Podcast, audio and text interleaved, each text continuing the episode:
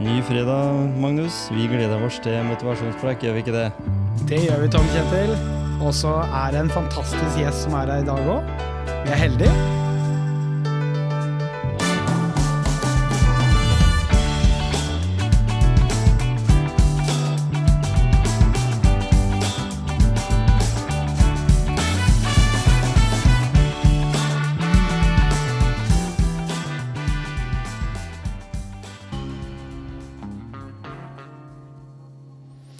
I dag så har vi fått gjest eh, i studio. Eh, vi har et eget studio på Sagen i Oslo i dag.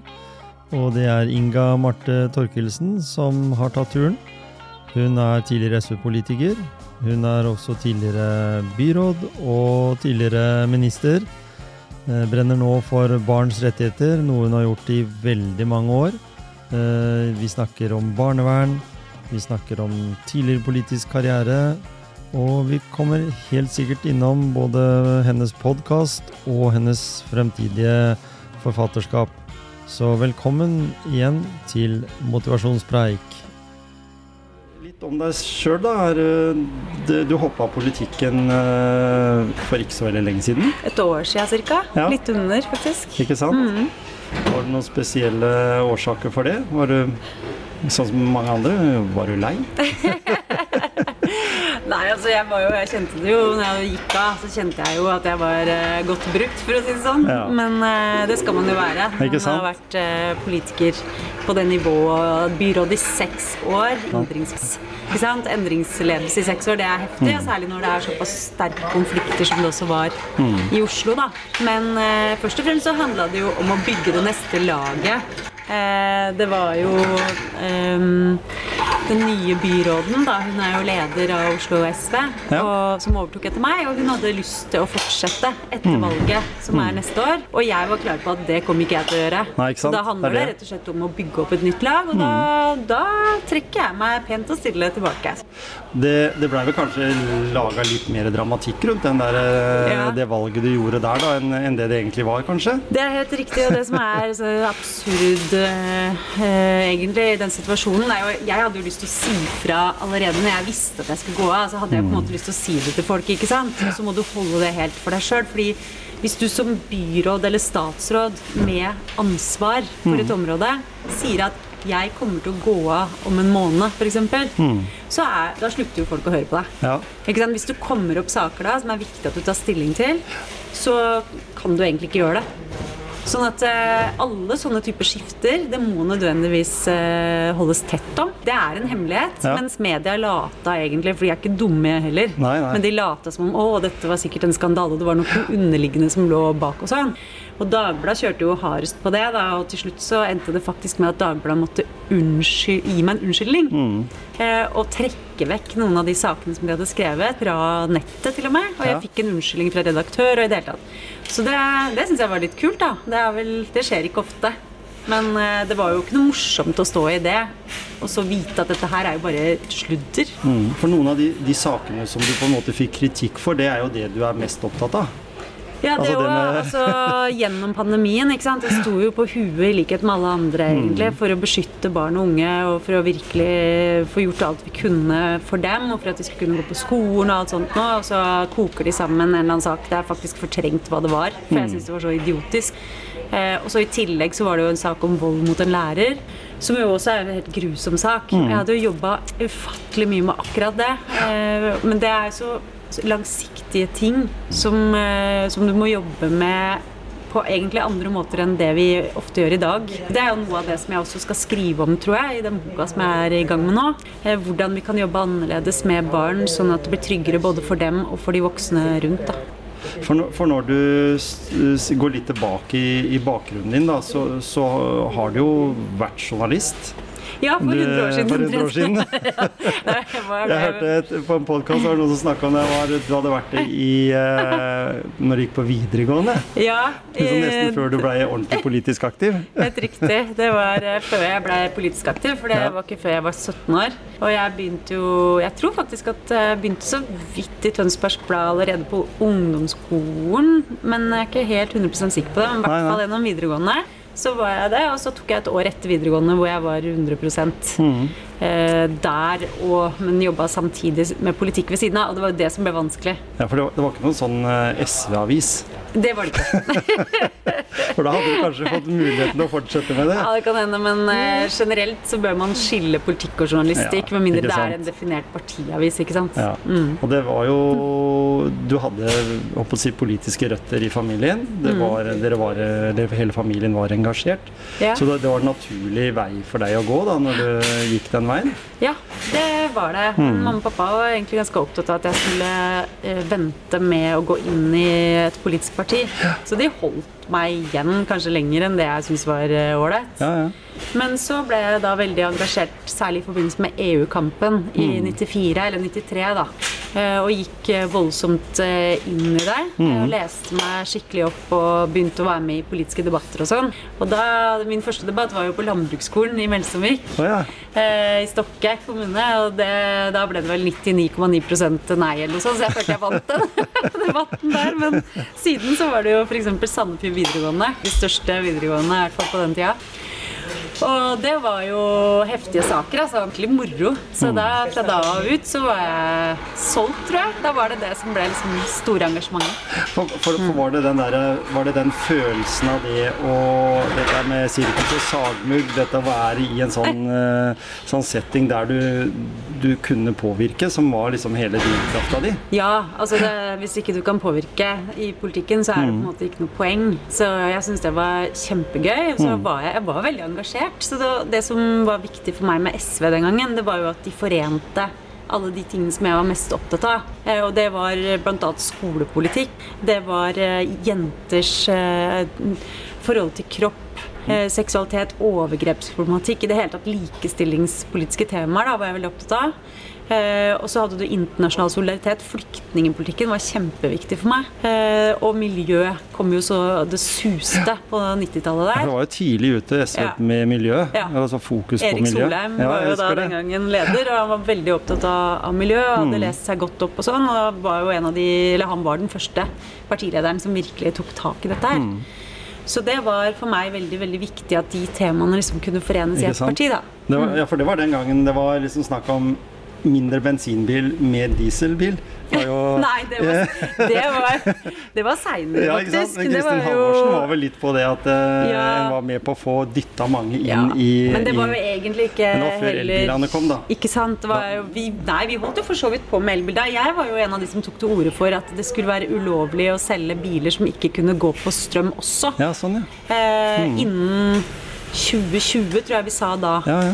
Eh, og det mener jeg det kunne man fint ha klart. Altså nye klart. biler, da. Ja, ikke sant? absolutt. Hybridbilen i dag er ja, veldig, fungerer veldig bra, de. Og det vi ser, ikke sant, det er jo at hvis du stiller noen politiske krav som er tydelige, men Mm. som har en tidshorisont, folk kan orientere seg mot og sånn, så gir det Mm. en forutsigbarhet. Som har en utrolig kraft til å endre folks atferd eh, og kjøpsmønster. Sånn at eh, jeg syns egentlig politikerne var kjempepinglete i de spørsmålene der. Men det man Mm. ikke hadde tatt med seg helt i betraktning, det var jo lokale utslipp fra diesel, blant annet. Da. Sant. Og det burde man jo ha sett. Også ikke bare det, men vi hadde vel kanskje den største melkekua hadde vi jo på akkurat eh, drivstoff, eller olje, da. Så det var Ja, men det må vi jo bort fra. ikke sant? Ja, ikke Så at vi må jo finne, og det- Det man gjør nå, er jo å innføre flere avgifter for elbil og sånn. Mm. Eh, Sånn at eh, du kan jo si det, ikke sant? Plassen er jo et gode Ja. uansett. Eh, Og du, du sliter jo på veiene, og det er jo masse sånne typer problemstillinger. Og ikke Mm. minst så er det jo masse miljøproblemer knyttet til elbiler òg. Sånn at vi kommer jo ikke unna at vi alle sammen er nødt til å gå gjennom sant, hvordan, hvordan vi lever, er jo nødt til å bli Mm. Et større og større tema hvis vi skal ta, ta hensyn til barna våre, da, Mm. som jo alle egentlig vil. Og de eh, vokser jo opp nå i en hverdag som vi er inne i nå, da, med, med de utfordringene vi voksne på en måte har Ja. eh, skapt. Det er jo de som må rydde opp etter oss. Ja. Det er utrolig usolidarisk. vet du. Ja. Det er så drøyt. Hvis, hvis det hadde handla om oppvasken eller å rydde, liksom at vi bare hadde bomba stua vår og bare gjort det helt eh, vanvittig fullt av søppel og drit og sånn, sagt til ungene bare 'du må rydde opp', Mm. Ja. så hadde jo alle protestert, og alle hadde skjønt hvor utrolig urettferdig det er. Mm. Men det er jo det vi gjør med verden. Det er det vi gjør med jordkloden. Ikke sant? Mm. Det er en veldig, et veldig bra, veldig bra sagt. Eh, og det er ikke tvil om at eh, når, eh, vi kommer da hakket videre, fordi nå kan vi, kunne vi jo snakke masse om de rollene du har hatt innen politikken da, og, og alle vet jo det at du har sittet som, som byråd, at du har sittet som eh, minister, du har liksom hatt bein innafor, og du har, du kanskje alltid vært den som tør å si ifra, fordi vi ser jo det litt i politikken i dag, at eh, ja, ja, nå kom de i regjeringa, eksempelvis nå Senterpartiet. Hvor blei Vedum av? Ja. Han bare liksom bare forsvant inn i den store paraplyen. Jeg har jo Ja. sagt det til noen, jeg, at eh, jeg syns faktisk at partiledere ikke burde sitte i regjering. På grunn av det at det skader partiet. For da kan ikke en leder si imot regjeringa, fordi det, det blir så det, det blir Samtidig så så følsomt. det, du, for ellers har du ingen kustus over regjeringsmedlemmene. Nei, så det og så er har du ikke nok dyktige politikere heller. Nei, det er sånn sett. kanskje også et poeng. Så, så det er litt der. Men ja, men kanskje man burde være litt mindre stor i kjeften på utsida da når man er i Mm. opposisjon, og så heller tenke gjennom at uh, man må være eh, På et eller annet tidspunkt så skal man antagelig ta ansvar. I Mm. hvert fall så bør jo alle partier med respekt for seg sjøl bør jo ønske det, syns jeg. nemlig. Eh, ikke for enhver pris, men fordi at det er jo viktig for å få muligheten til å få gjennomslag, da. Og så hadde norsk politikk kanskje ikke burde vært at en må kjøpe velgere gjennom å love ting en ikke kan holde, f.eks. Det er jo liksom for Det har blitt litt sånn populistisk eh, måte. Altså Ja, samtidig så må du, liksom, du må jo også ha noen vyer og visjoner, og du kan ikke bare være helt grå heller, så det er jo en balansegang det der. Ikke sant? Så, men jeg syns jo opplagte ting som du ikke kan gjøre noe med, Mm. som alle vet egentlig at det er å love for mye, det syns jeg at man skal være øh, veldig forsiktig med. Ja. Og du blir fort avslørt, altså er kanskje det som skjer, da. ja, hva, tror, hva tror du om eh, Bare for å avslutte med et lite sånn politisk sånn brennhett tema for oss som er i, i Telemark, da. Så er jo Vestfold og Telemark hadde jo en sammenslåing, og Ja. nå skal de da rives fra Ja. igjen. Og så bruke mange, mange, mange penger som kunne vært uh, pumpa rett inn i f.eks. Barnevern, da. Ja da, men det er ikke sant igjen da, der burde man jo ha tenkt seg om på forhånd. Når, du, når du gjør sånne ting, det er i utgangspunkt eh, som å tvinge folk til å gjøre noe de egentlig ikke har lyst til, så får du den rett i trynet igjen seinere rundt neste sving. Og det er jo det som var utgangspunktet her, at det var dumt gjort. Ikke Brukt litt lengre tid på den uh, vurderinga der. Ja, Du kan ikke la politiske prestisjeprosjekter bare liksom trumfe folkeviljen. Altså, dette har vi sett gang på gang på gang, og da må du bruke penger helt unødig. Og det jeg synes jeg er dødsfrustrerende. Det irriterer vettet av meg. Men jeg skjønner jo de som da vil reversere det også. Ikke sant? Det er ikke de som kan få skylda for det, tenker jeg. Nei, nei, det er jo ikke det. Eh, og at ting koster penger, det er jo helt Ja. naturlig. Ingenting Ja. gjøres gratis i dag. Nei, nei, det er jo, Det er sånn. det er jo dyrt, men eh, det dyreste syns jeg altså, Dette kan irritere meg. Det er dumt å starte den reformen i utgangspunktet. Mm. Men det at ikke vi tar inn over oss kunnskapen vi har om hvor viktig barndommen er, Mm. eh, og virkelig setter inn grep som gjør at vi på en måte gjør som natteravnene, at vi er der da det ikke skjedde, Mm. Ja. Det irriterer vettet av meg. Og- Derfor så måtte jeg lage podkast, da. Ja, ikke sant? Og det, det som jeg syns, da, som, som jeg tenkte jeg hadde lyst til å spørre deg om det med engasjementet. engasjementet. -hmm. Altså, hva er det som har inspirert deg til å gå så kraftig inn i det med, med barn? Ja. Eh, no, en, en del mennesker de gjør jo det fordi de har hatt dårlige erfaringer sjøl, Mhm. eller kommet i en situasjon der du får se det, se Mhm. det eller, eller føle det på kroppen. Hva er det som skapte ditt engasjement? Jeg tror jo det er flere ting. Men jeg veit jo at eh, foreldrene mine er viktige der. Altså, Jeg har en far som er sosionom og som har jobba masse med disse temaene, vært barnevernsleder og sånn.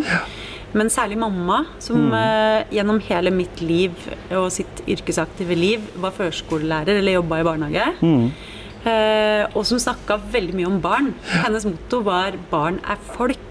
Og det skulle jo nesten være unødvendig å si, Ja, ja, men vi må liksom minne oss på det. Fordi jeg syns vi for ofte ikke respekterer barn, faktisk. Eh, så hun dro mange sånne verdidiskusjoner hjem. Eh, og vi snakka veldig mye sammen om syn på mennesker, syn på barn, verdier, hva som er viktig. Det å endre en barnehage f.eks. med utgangspunkt i barns eget blikk. Hva ser du hvis du går ned på kne helt fysisk og ser barnehagen sett fra en liten, et lite knøtt? Hva Ja. ser du i barnehagen da? Kaos, som mamma sa. Ja, ja. Jeg prøve å endre på det. Um, så, så begynte jeg jo Da jeg var ungdomspolitiker, så var jeg jo veldig opptatt av som jeg sa i sted, dette med kvinnepolitiske spørsmål. Vold mot kvinner, seksuelle overgrep, den type ting. Ehm, og så blei jeg kjent med veldig mange mennesker som hadde den typen historier. Og så var jeg ikke redd. Nei. Jeg vet ikke hvorfor, men jeg tror kanskje det også kommer hjemmefra at vi snakka så mye om følelser og ubehagelige ting. Og jeg var liksom Jeg var ikke redd. Nei. Så hadde jeg ikke noen sånne opplevelser sjøl heller. Så det liksom eh, Jeg hadde ikke heller noe ja, ubearbeida med meg eller sånn, da. Nei, nei. Eh, Så, så de merka vel at jeg var veldig nysgjerrig Mm. og ble engasjert av det de fortalte. Sånn at det endte egentlig bare med at flere og flere fortalte meg ting. Ja. Og da var jo det med utgangspunkt i et sånt eh, voksenperspektiv, eller ungdom, da, som jeg var opptatt av den gangen. Mm. Og det var særlig kvinner, ikke sant. Jenter. Men etter hvert som jeg liksom eh, begynte å sette meg bedre inn i dette her, så skjønte jeg jo at dette berører jo eh, både kvinner og menn og, og hen. ja? Forskjellige Alle grupper. alle grupper er berørt av det. Eh, Selv om jenter er mer utsatt for seksuelle overgrep eh, enn det menn er, så er jo veldig mye av dette er så tabubelagt at menn ikke forteller om det i det hele tatt. ikke sant? Eh, Og så skjedde det noe som ble veldig skjellsettende for meg. Og det var den høsten hvor jeg hadde blitt valgt til stortingsrepresentant fra Vestfold. Det var i 2001, og jeg var 25 år gammel. Og så våkna jeg på natta av eh, det som jeg trodde var en fest. Um, og jeg var veldig frustrert, for jeg skulle et eller annet viktig dagen etter. Jeg husker ikke hva. Og så gikk jeg til slutt da, så gikk jeg ut i oppgangen for å be dem eh, ta seg en bolle. Liksom. Skjerpe seg. Og så ser jeg et barn og en mor som står og hylgriner. Eh, og en pappa som eh, helt åpenbart eh, har forårsaka deres frykt og fortvilelse. Og da var jeg Jeg var en sånn type, og er egentlig det fortsatt. Så jeg er utrolig at jeg ikke har fått juling, egentlig. Men eh, som bare går rett inn i situasjonene. Ja, ja. Og bare vekk med deg, liksom. Og fikk han bort. Eh, og så ringte jeg til politiet. For jeg skjønte jo at dette her er vold i hjemmet. Det hadde jeg jo jobba masse med, men med utgangspunkt i voksnes fortellinger, og særlig kvinner, da. Mm. Og så kommer politiet, eh, og så gjør de ingenting. Altså Det var sånn klassisk sånn tekstbook, vet du. Sånn som det var før. Nesten alltid. Husbråk. Vi kommer igjen i morgen. Kan ikke du kan komme på vår, til stasjonen, så kan du få dokumentert skader. Eh, ikke noe bilde av leiligheten. Den var totalrasert. Eh, han hadde nøkkel til leiligheten. Eh, Ingen som da spurte skal vi skifte nøkkel eller skifte lås, liksom. Eh, og jeg ble så forbanna. Og så sa jeg jeg er valgt til Stortinget. Jeg skal sitte i justiskomiteen for å jobbe med vold mot kvinner og barn. Dere har å ta med den dama til stasjonen. For ellers så veit vi at hun ikke kommer. Ikke sant? Fordi det er en salig blanding av frykt og kjærlighet ja, ja, og og opp, og så får avhengighet og alt mulig. ikke sant? Mange er jo økonomisk avhengig av den mannen òg. Ja. Så jeg visste at da blir det bare lagt bort. Og så måtte de ringe da, vet du, til Grønland eh, politistasjon og spørre Sjurhavna adjutant hva gjør vi med den gærne kjerringa som står her. Nekter å gi seg, og som skal sitte i justiskomiteen, liksom. Jeg ser det for meg. Så kommer de tuslende tilbake. Det er bare ja, ja, ja, greit, vi skal ta henne med. Og så sa jeg at jeg kan passe på jenta, da. Hun var jo sånn 10-11 år gammel. Mm. Og hun blei faktisk med meg. Og hun hadde Det som jeg tror da at hun hadde opplevd, var at jeg hadde jo møtt henne mange ganger i oppgangen. Jeg kjente jo ikke dem her, de her. Men jeg hilste alltid på henne. Og var veldig opptatt av å liksom ha snille øyne. ja. Eh, Det er sikkert noe jeg har lært av mamma, eller et eller annet det òg, men jeg vet ikke helt. Men hun må ha lagt merke til det, for hun fikk en sånn tillit til meg. Og så blei jeg med inn i leiligheten. Det var midt på natta, det her, da. Og så satt hun på fanget mitt. Og så ser hun på meg, så sier hun Tror du at mamma skal dø?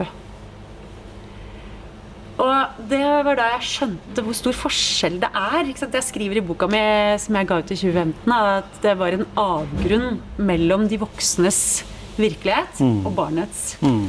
Fordi at dette barnet Der hvor de voksne ser hvor mange blåmerker har vi her? Eh, Er det, nestendrap? Liksom, hva skjedde i denne situasjonen?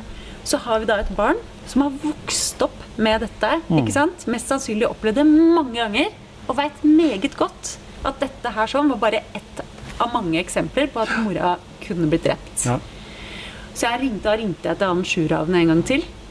Så jeg, hvordan i all verden kan dere eh, la være å liksom forstå hvor viktig dette er? Hvordan kunne dere ikke dokumentere noen ting? Si at dere ikke skal ta med dere denne mora. Hvordan går det an? Og så sier han ja, men det var jo ikke noen blåmerker, da. Nei, ikke sant.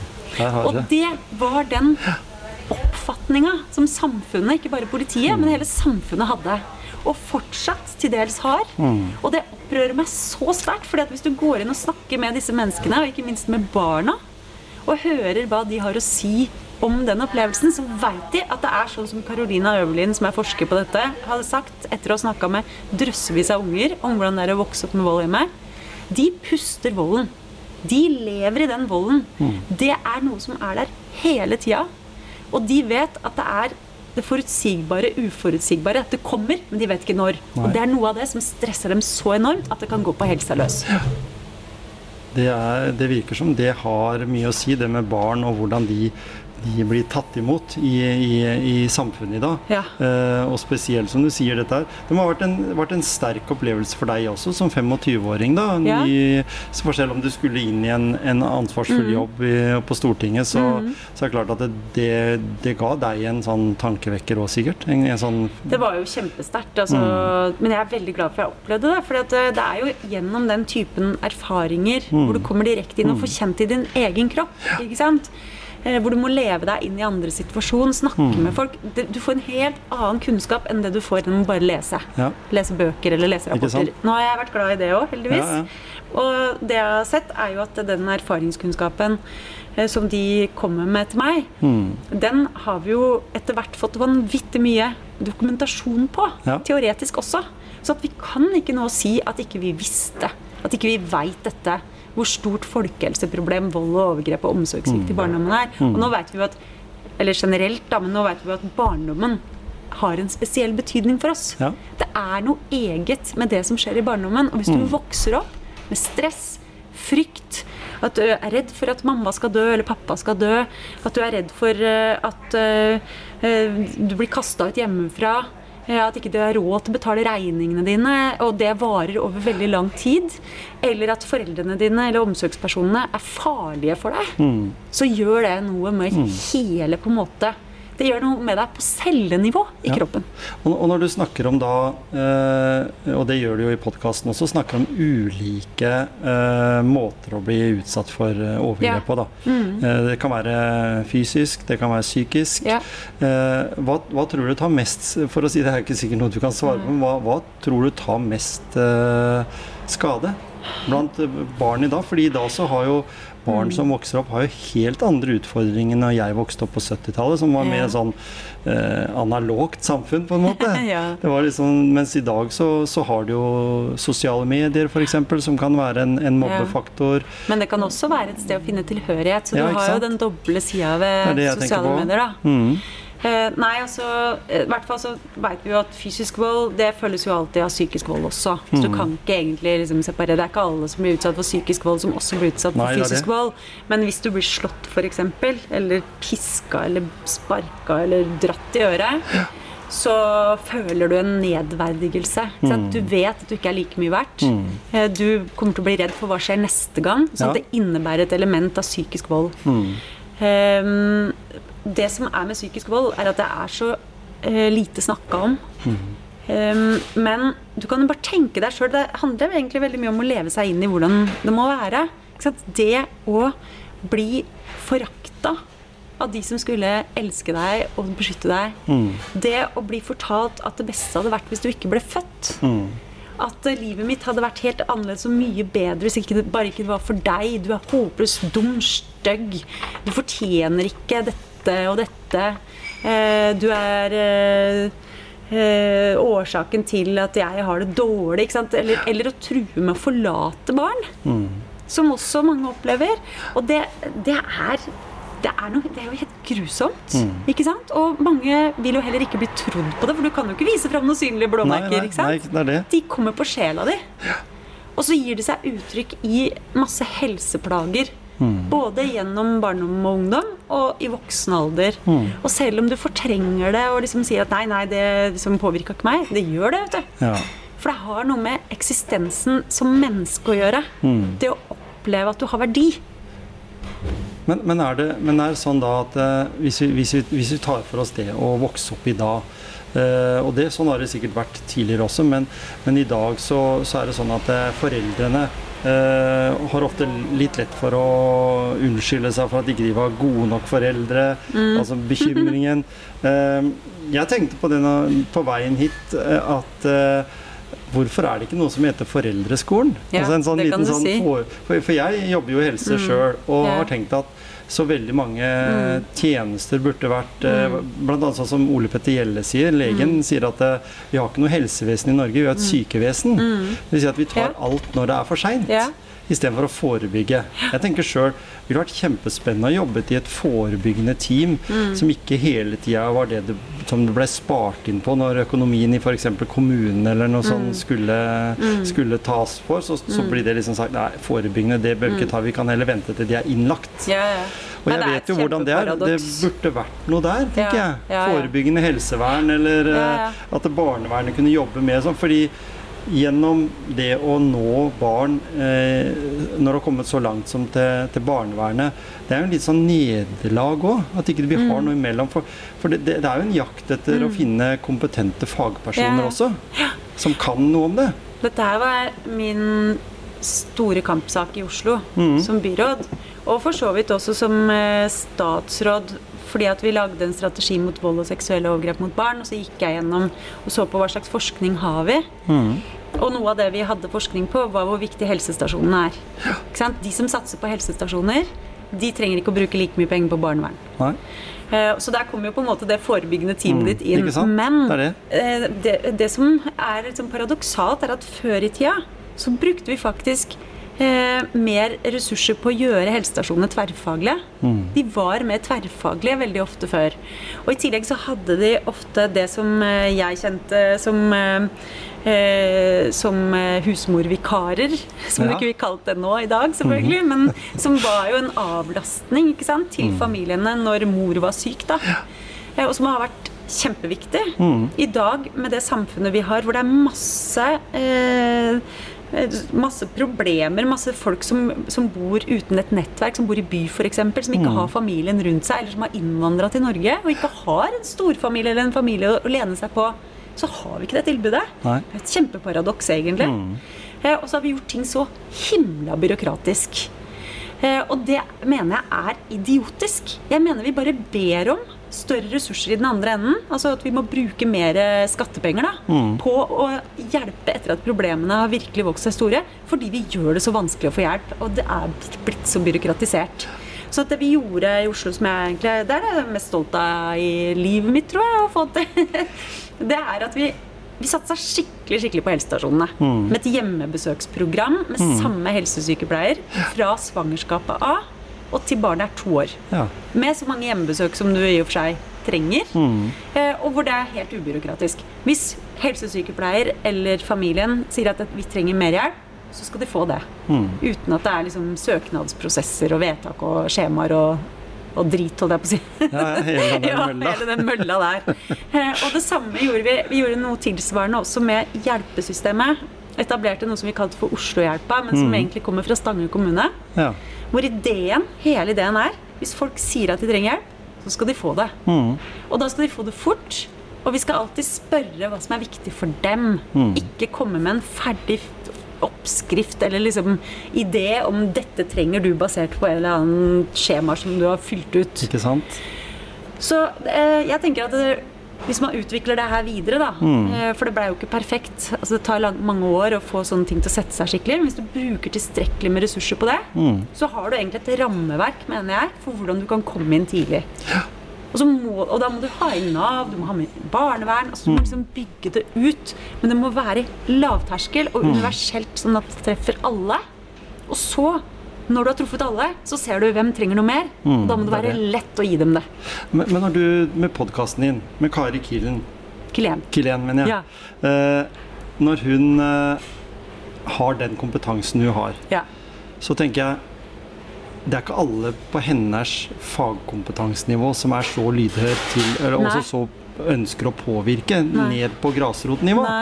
Det er jo unikt, egentlig. Fordi Ja. jeg har jo møtt mange spesialister oppi Ja. der som lever i sin egen boble. Ja. Og det snakker dere jo litt om på podkasten også. Dette at det er en del som, som burde på en måte på en mye enklere måte kommet fram. Det er ikke så avansert. Mm. Nei, det er ikke så vanskelig.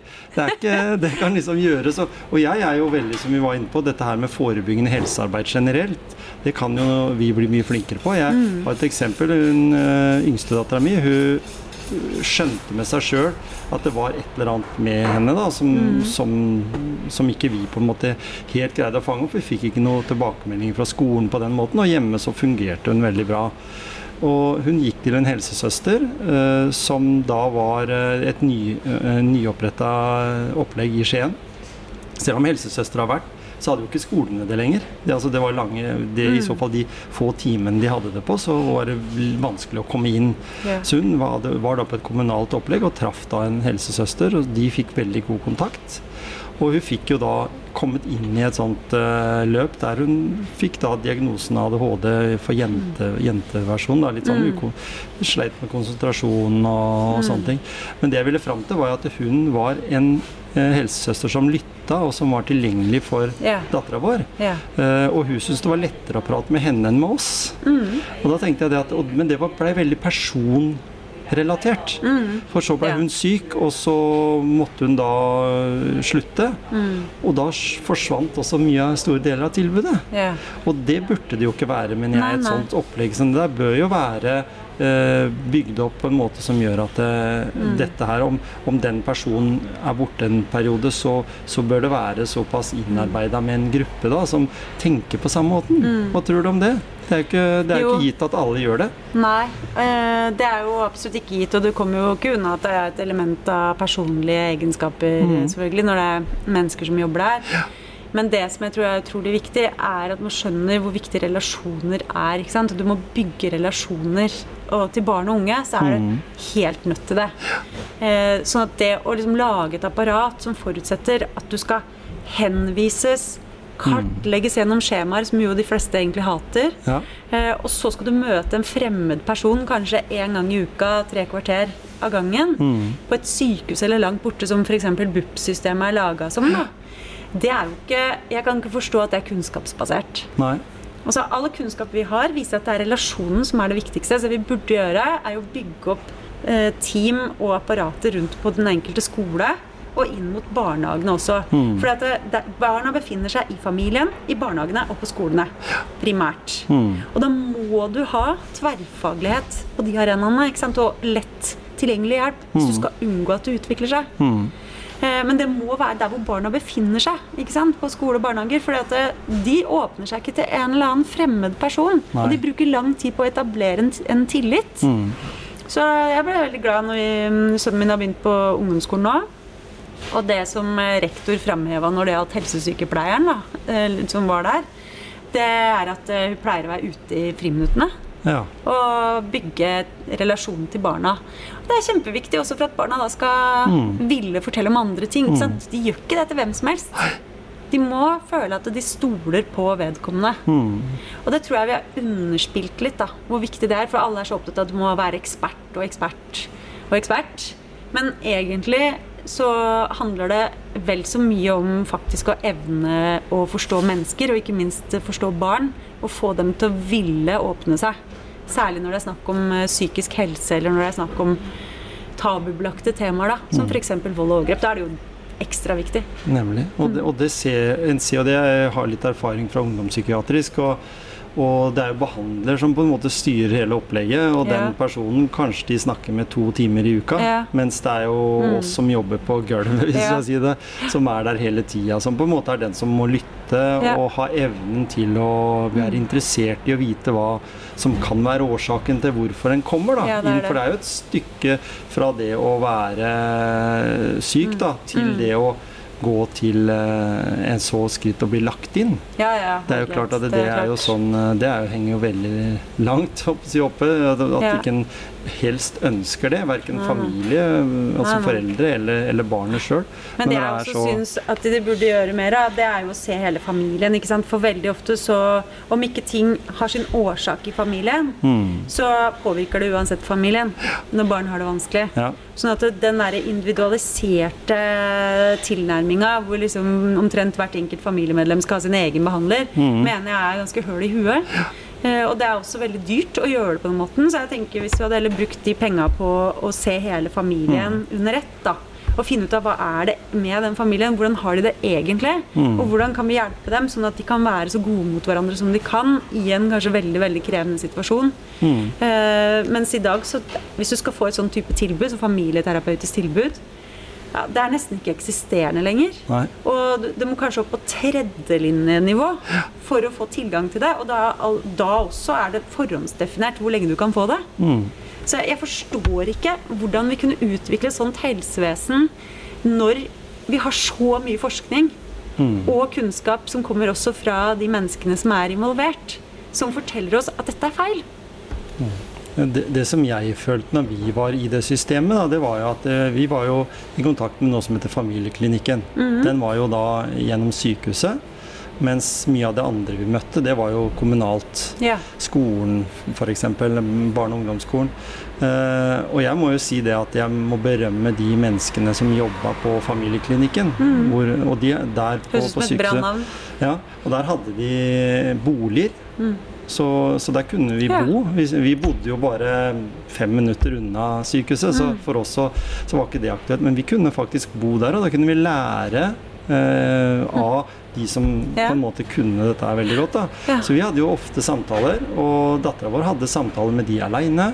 Og vi hadde som foreldre også Mm. Ja. samtaler. Vi satt i, i rom der vi kunne se hvordan de snakka med, sånn, med sånn speile. da, Så de Mm. Ja. kunne se hvordan de snakka sammen. Og da visste vi om at vi var der, men vi var på en måte ikke til stede. Så det var Mm. helt utrolig mange forskjellige samtaler. Og den dag i dag, når jeg snakker om det, nå er det jo tross alt eh, ti år siden, i Mm. hvert fall, siden vi var gjennom det løpet. Så får jeg litt sånn der eh, klump i halsen av å Mm. prate om denne, for jeg syns de var så flinke. Ja, De fantastisk. tok så Jeg følte i hvert fall, eh, kona mi og jeg, vi følte at vi ble verdsatt Ja. på en helt annen måte enn det vi ble møtt med i kommunen. Ja. Som var et sånn spare, sparetiltak, da. Mm. Så um, all ære til familieklinikken og det de bidrar med. ja, det er kjempebra. Så, men, og der har vi kanskje litt av problemet mellom stat og kommune. da, At, mm. at en burde på en måte se her at hvem er det som bør styre akkurat ha- det ansvaret? Ja, det Det er jo ikke så lett vi- Det er ikke så lett, det er en svær debatt, men det er i hvert fall eh, Jeg har jo vært frustrert, jeg også. Ikke sant? Så jeg har sittet i Oslo hvor det er 15 bydeler, Mm. og hvor også bydelene skal bestemme veldig mye sjøl. Så syns jeg jo mange ganger at man liksom skal finne opp kruttet på nytt. Mm. Og det, nei, vi kan ikke gjøre det på den måten, fordi at det har liksom noen andre gjort før oss. Ja, Men hvis det funka, da, så Ja. kanskje vi skal gjøre det likevel.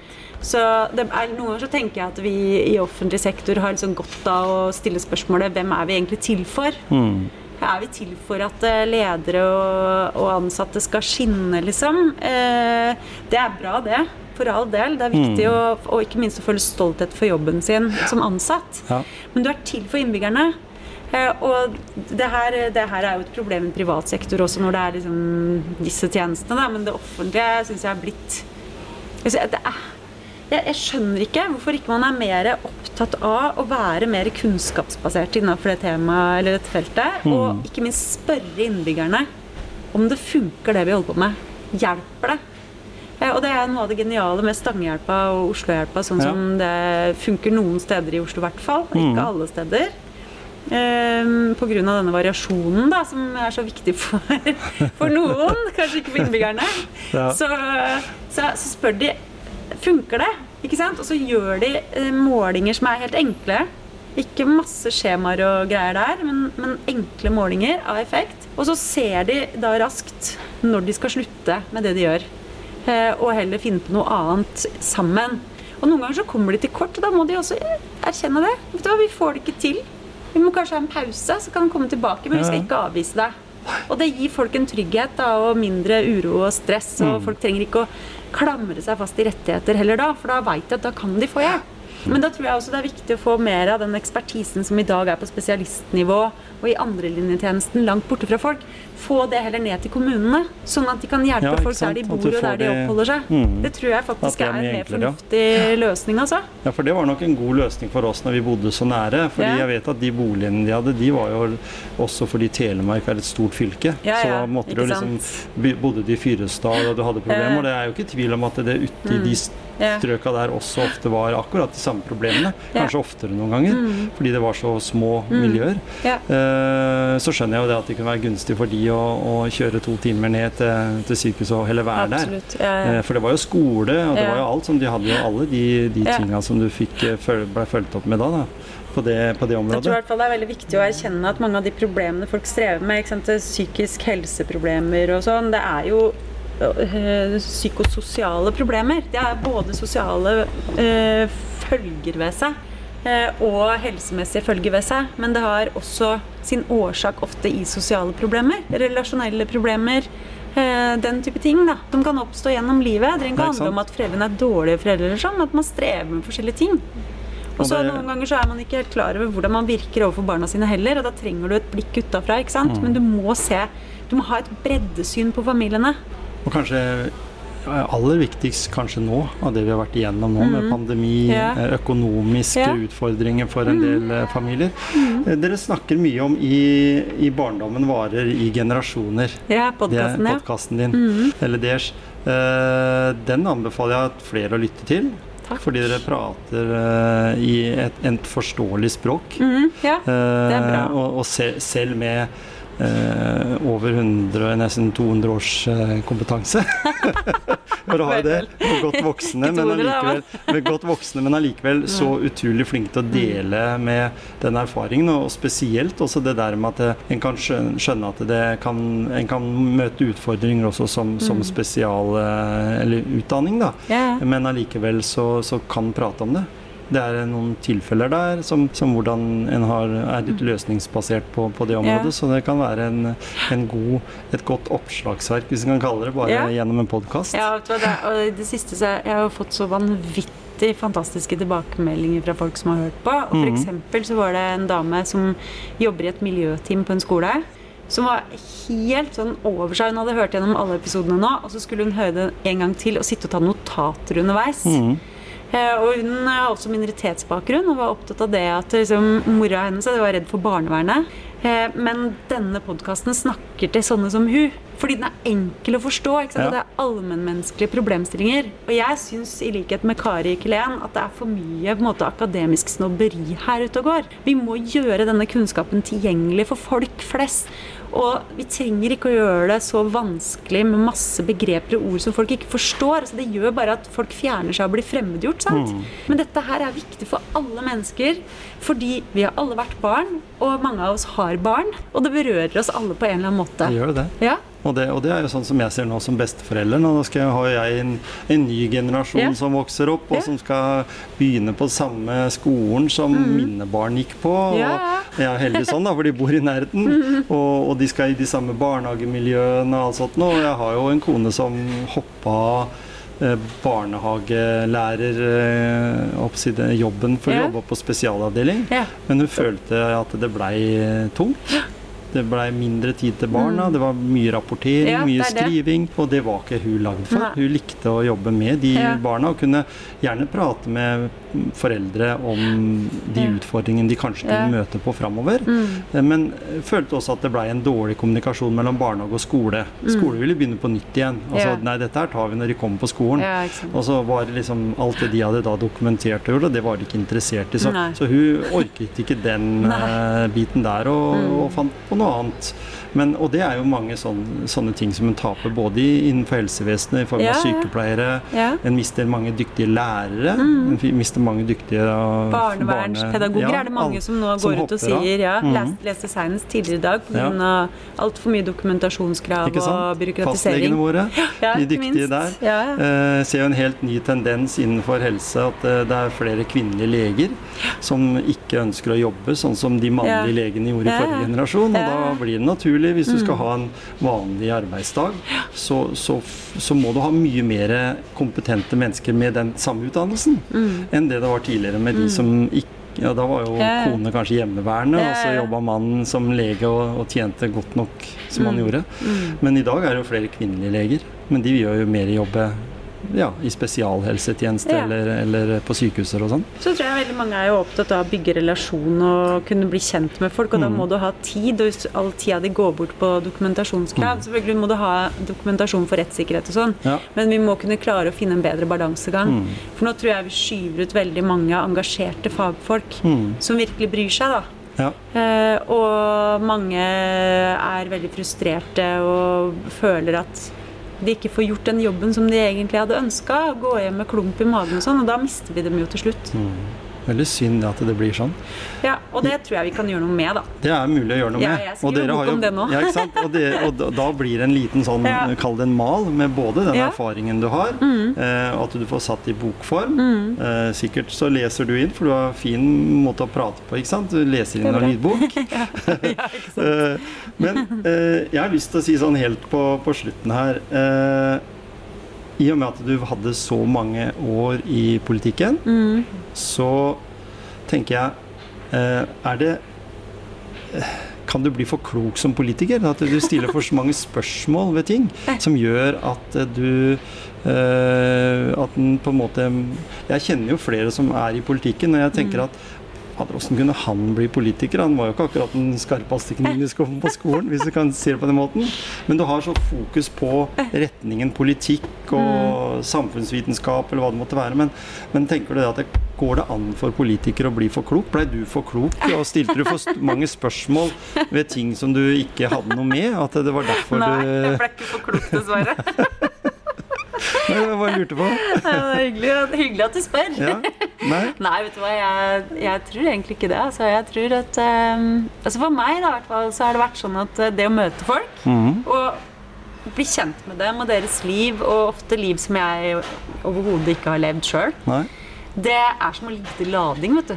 Ja. Det er som en mobiltelefon, det. Så jeg kunne bli sliten, men samtidig så bare lada jeg meg opp igjen og igjen. Og jeg lærte så mye nytt. Så for, for meg, Men det er litt sånn Jeg har vært politiker på toppnivå i 18 år. Mm. Det er kjempelenge. Hvis jeg skal ha sjanse til å få noen andre jobber i mitt liv, Ja. og ikke bare ende som en evig politiker, så må jeg gjøre andre ting. Og nå har jeg lært å lage podkast, ja. og så skal jeg skrive en ny bok og sånn. Men jeg kommer alltid til å være politisk i huet, fordi jeg er helt sikker på at du kan ikke forandre samfunnet Nei. uten at politikken er en del av det. Nei, For da får du samfunn som du overhodet ikke ønsker. Så vi er nødt til å ha Vi må ha folk fra alle samfunnslag. Vi må ha bedre representasjon. Vi må ha en bedre kjønnsfordeling og geografisk fordeling og minoritetsbakgrunn og ikke Mm. og alder, ikke minst. Vi var jo veldig unge, vi som kom inn i 2001. Og det å sikre at du både er unge og gamle og En god det er, miks. ja, fordi erfaringskunnskap er viktig. Det er kjempeviktig. Mm. Du kan ikke bare ha eksperter eller bare ha liksom én type politikere. Så Det er derfor den har vel nå eh, mange med erfaringsbasert kunnskap innenfor rus. Ja, og jeg tror det er delen. veldig At du kan snakke med tidligere rusmisbrukere Ja, ja. om hvordan livet er å være som det, og hvordan Ja. livet er å komme ut av det. Mm, eller erfaringskonsulenter. Eller. Men jeg tror liksom det å ha en god miks. da. Du må ha Mm. forskjellig, men da må man også sørge for å ta vare på de folka. fordi at eh, jeg tror at øh, øh, ja, vi, Så vi må ha ledere som er klar over da, øh, at det er mange i omsorgsyrker og helseyrker til Mm. enhver tid som har med seg en bakgrunn som gans kan være ganske heavy. Eh, og at det er en grunn til at de har søkt seg til den typen yrker. Mm. Og hvis de er mer ivaretagende, mer klar over det, og gjerne liksom mer, jeg kaller det traumeinformerte, da, Ja. Som er en slags sånn universell utformingstankegang, at det er bra for alle, fordi det innebærer at du er mer ivaretagende overfor folk, egentlig. Mm. Varmere, mer opptatt av hvorfor de er som de er, og ikke bare liksom korrigere dem og Ikke sant? Og det å, å se dem, da. Det tror jeg at vi hadde hatt veldig godt av. Da tror jeg også flere hadde egentlig turt å si at de også har en bakgrunn som kan være litt Ja, rufsete. Så hadde vi kanskje fått eh, has på noen tabuer med det samme. Ja. Hva, hva tenker du om en, eh, en, en greie jeg har liksom for meg? Det er liksom dette at jeg, jeg er veldig glad for å jobbe med mange med varme hender. Yeah. Men jeg er mer opptatt av å jobbe med noen som har kloke hoder. Hva tror du om det? At den kan, at den kan være litt, av- ja, litt Litt av begge deler. tror jeg du kan ha begge deler òg. Du kan både være varm og klok og tørre, smart og alt. og ikke, altså, må Nei. ikke tørre å dele med, med seg yeah. sjøl og sin egen erfaring, kanskje. Mm. Uh, hva, hva, du sa litt om at eh, det skal til for å lade for deg. Altså sånn i, i Mm. det når du har stått som verst i det, Mm. eh, og gått fra jobb og vært skikkelig frustrert og ikke fått gjennomslag for ting. Ja. Hva er det som på en måte du måtte gjøre for å lade? da? Nei, altså det er jo flere ting. Altså det er litt sånn som Kari Kelen er inne på. Altså når du jobber med så tøffe ting, så er du litt avhengig av å ha en god familie og venner rundt Mm. deg som er glad i deg og tar vare på deg og lar deg blåse ut innimellom, og som orker å høre på deg. Mm. For du må snakke gjennom ting. Mm. Men som også du kan bare leke med. ikke sant? Eh, Lekeslåss og putekrig og hva vet jeg. ikke sant? Et eller annet sånt. Og for min del ellers utover det, så er det to ting som har vært viktig for meg, og det ene er yoga. Eh, Med pust og strekking og styrke kroppen og ikke minst rygg og nakke, som Mm. kan bli ganske herpa når du er Nemlig. mye stressa og engasjert. Eh, Og, og ri. Mm, ut i skauen på en hest i vill galopp eller hurtigtølt, Ja, ja. gjerne, på islandshest. Mm. Det er terapi for meg. Så bra. Mm. Og, og når du tenker da i forhold til eh, tida framover, da. Du sier du skriver på bok. Hva driver du med ellers? Eh, nei, det blir ikke så mye annet, for nå har jeg ganske dårlig råd. så nå, det sånn, nå lever jeg på sånne stipender. Nå lever Ja, ja. jeg jo på 50 000 pluss den etterlønna, den hersens etterlønna som folk syns. Ja, ja. Men som jo er helt nødvendig for min del, i hvert fall. For å kunne overleve i ni måneder uten ordentlig inntekt. Da. Mm. Eller nå strakk jeg den ekstremt langt ut og levde på mannen min flere av de månedene. Ja. Men jeg klarte nå i hvert fall å, å dra den ut. Eh, men eh, nå lever jeg jo på stipender da, Ja. for å skrive den boka, og det er jo ikke noe du blir så kjempefeit av, er, det er bokskriving du på en måte har fokus på nå. Altså den Ja, for å fullføre den. Det er det jeg gjør. For det, det som jeg Når du blir kjent med så mange mennesker og kjenner på så mye smerte, og du ser hvor dysfunksjonelle mange av systemene våre er, til tross for at vi hele tida snakker om hvor fantastisk velferdsstat vi har. Og jeg ser at, vet du hva? For mange av våre medmennesker så er ikke det sant. Så da må jeg Jeg må ha det ut. Og jeg må på en måte samle argumentene og presentere det og se hvordan kan jeg påvirke de som nå sitter med makt til å endre. Eh, da føler jeg meg bra. Altså det, jeg må gjøre det, om det er liksom fra en politisk talerstol, fra en bok, fra en podkast eller hva. Men dette temaet her, det berører meg så intenst. For jeg blir bare kjent med nye og nye og nye mennesker.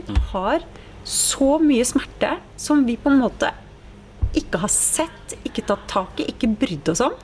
Og ofte så er det de samme som har hatt en skikkelig skitt barndom. Det er de samme som sviktes av velferdsstaten når de virkelig hadde trengt den.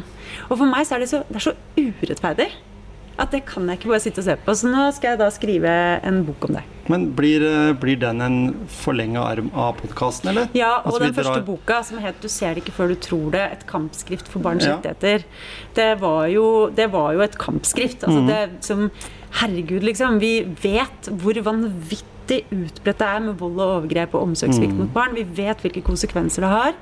Eh, Og så fortsetter vi bare å late som om det ikke er mer enn et lite marginalt problem. Og vi sørger ikke for at de barna faktisk har muligheten til å bli sett og hørt i våre velferdssystemer. Så, øh, men nå skal jeg liksom dra den enda litt lenger og se på også hvordan den berører voksne. Eh, jeg vil helt klart ha et barneperspektiv fortsatt. Masse om barn. fordi hvis ikke vi får det til å funke for disse ungene, så fortsetter vi bare å produsere syke voksne, da. Eh, men jeg skal bruke mer av de erfaringene jeg også har fra politikken, og med å prøve å endre på en del av systemene. Og se kan vi gjøre ting annerledes. Kanskje vi kan tenke nytt. Så blir den en ekte, en ekte bok som det er viktig å følge. Altså, I hvert fall, i hvert fall ut fra Ja. din, din erfaring. Og, de, Ja. du, og du, du har det jo med å bruke en del eh, kompetanse, eller mennesker med kompetanse rundt det der òg. ja, utover det du har sjøl òg. jeg har jo et kjempenettverk, og det er jo en stor fordel med å jobbe politisk med et sånt tema i 25 år, ikke sant, som jeg har gjort. Eh, Det er jo at jeg kjenner jo vanvittig mange folk som kan veldig mye, og de har jo delt med meg så Mm. mye. De, har delt så raust. Enten Det er Magne Raundalen, sant, som er liksom en av Norges mest kjente, kanskje den mest kjente barnepsykologen i Norge, Mm. som spilte en rolle helt fra jeg vet ikke 50-, 60-tallet i hvert fall. 60-tallet, da. Ja? Og, og 70-tallet, ikke minst. Fra og fram til i dag. Fra Skien, ja. Og hytte på Rauland og Ja. ja, ja. Og så Nei, Hjartdal. Hjartdal. Og så er det Rauland? Nei, det er eh, ja, litt Det er Nå ikke så blir jeg langt unna. Det er oppover i. Telemark. Ja, ikke sant? Oppi der. For en, for Ja. en som er, er øh, vokst opp i Vestfold, så Ja. skal han jo vite at Telemark det er langt unna Horten. Det er i gokk. altså, langt, Rauland er langt unna Ja. Horten, for å si det sånn. Det er langt unna. Eller Stokke. Det er eller litt nærme, da, men allikevel. Ja, ja, ja. Nei, da, så det, men han har jo delt veldig raust. Mm. Og Anna Louise Kirkengen, som er over 70 år og har skrevet masse bøker, er professor og Ja, ja. tidligere allmennlege. Kari Kilén, som har jobba nesten 70 år med Ja. tema omsorgssvikt og overgrep mot barn. Eh, Berit Bae, som også er eh, professor emerita. Altså det, det er så Mm. folk som, og, og masse forskere som er det i dag i tillegg. Men mange av de eldre folka Mm. Jeg kjenner jeg, jeg er ekstra fascinert av dem. Fordi de har så vanvittig lang erfaring. Og hvis de da fortsetter å søke kunnskap, fortsetter å stå med be som beina nært praksisfeltet da, og, og utvikle seg, og hvis de er interessert i å dele, så må vi jo bare gripe den Ja, muligheten begjærlig. Ja. Så jeg føler meg utrolig heldig som gjennom så mange år har fått lov mm. til å utvikle meg sammen med de. Og Der kommer den egenskapen du sa du hadde med den uh, jenta. At uh, de også ser at du er en det går an å prate med. Jeg syns Mm. Ja. det er veldig, hvert fall, veldig lett å prate med deg. Og takk i like kunne, kunne sitte her lenge, lenge, lenge. Men eh, sånn er det nå en gang. Ja. Vi har vært innom mange temaer. Ja. Veldig hyggelig at du ville være med i Motivasjonspreik. Tusen takk for at jeg fikk lov.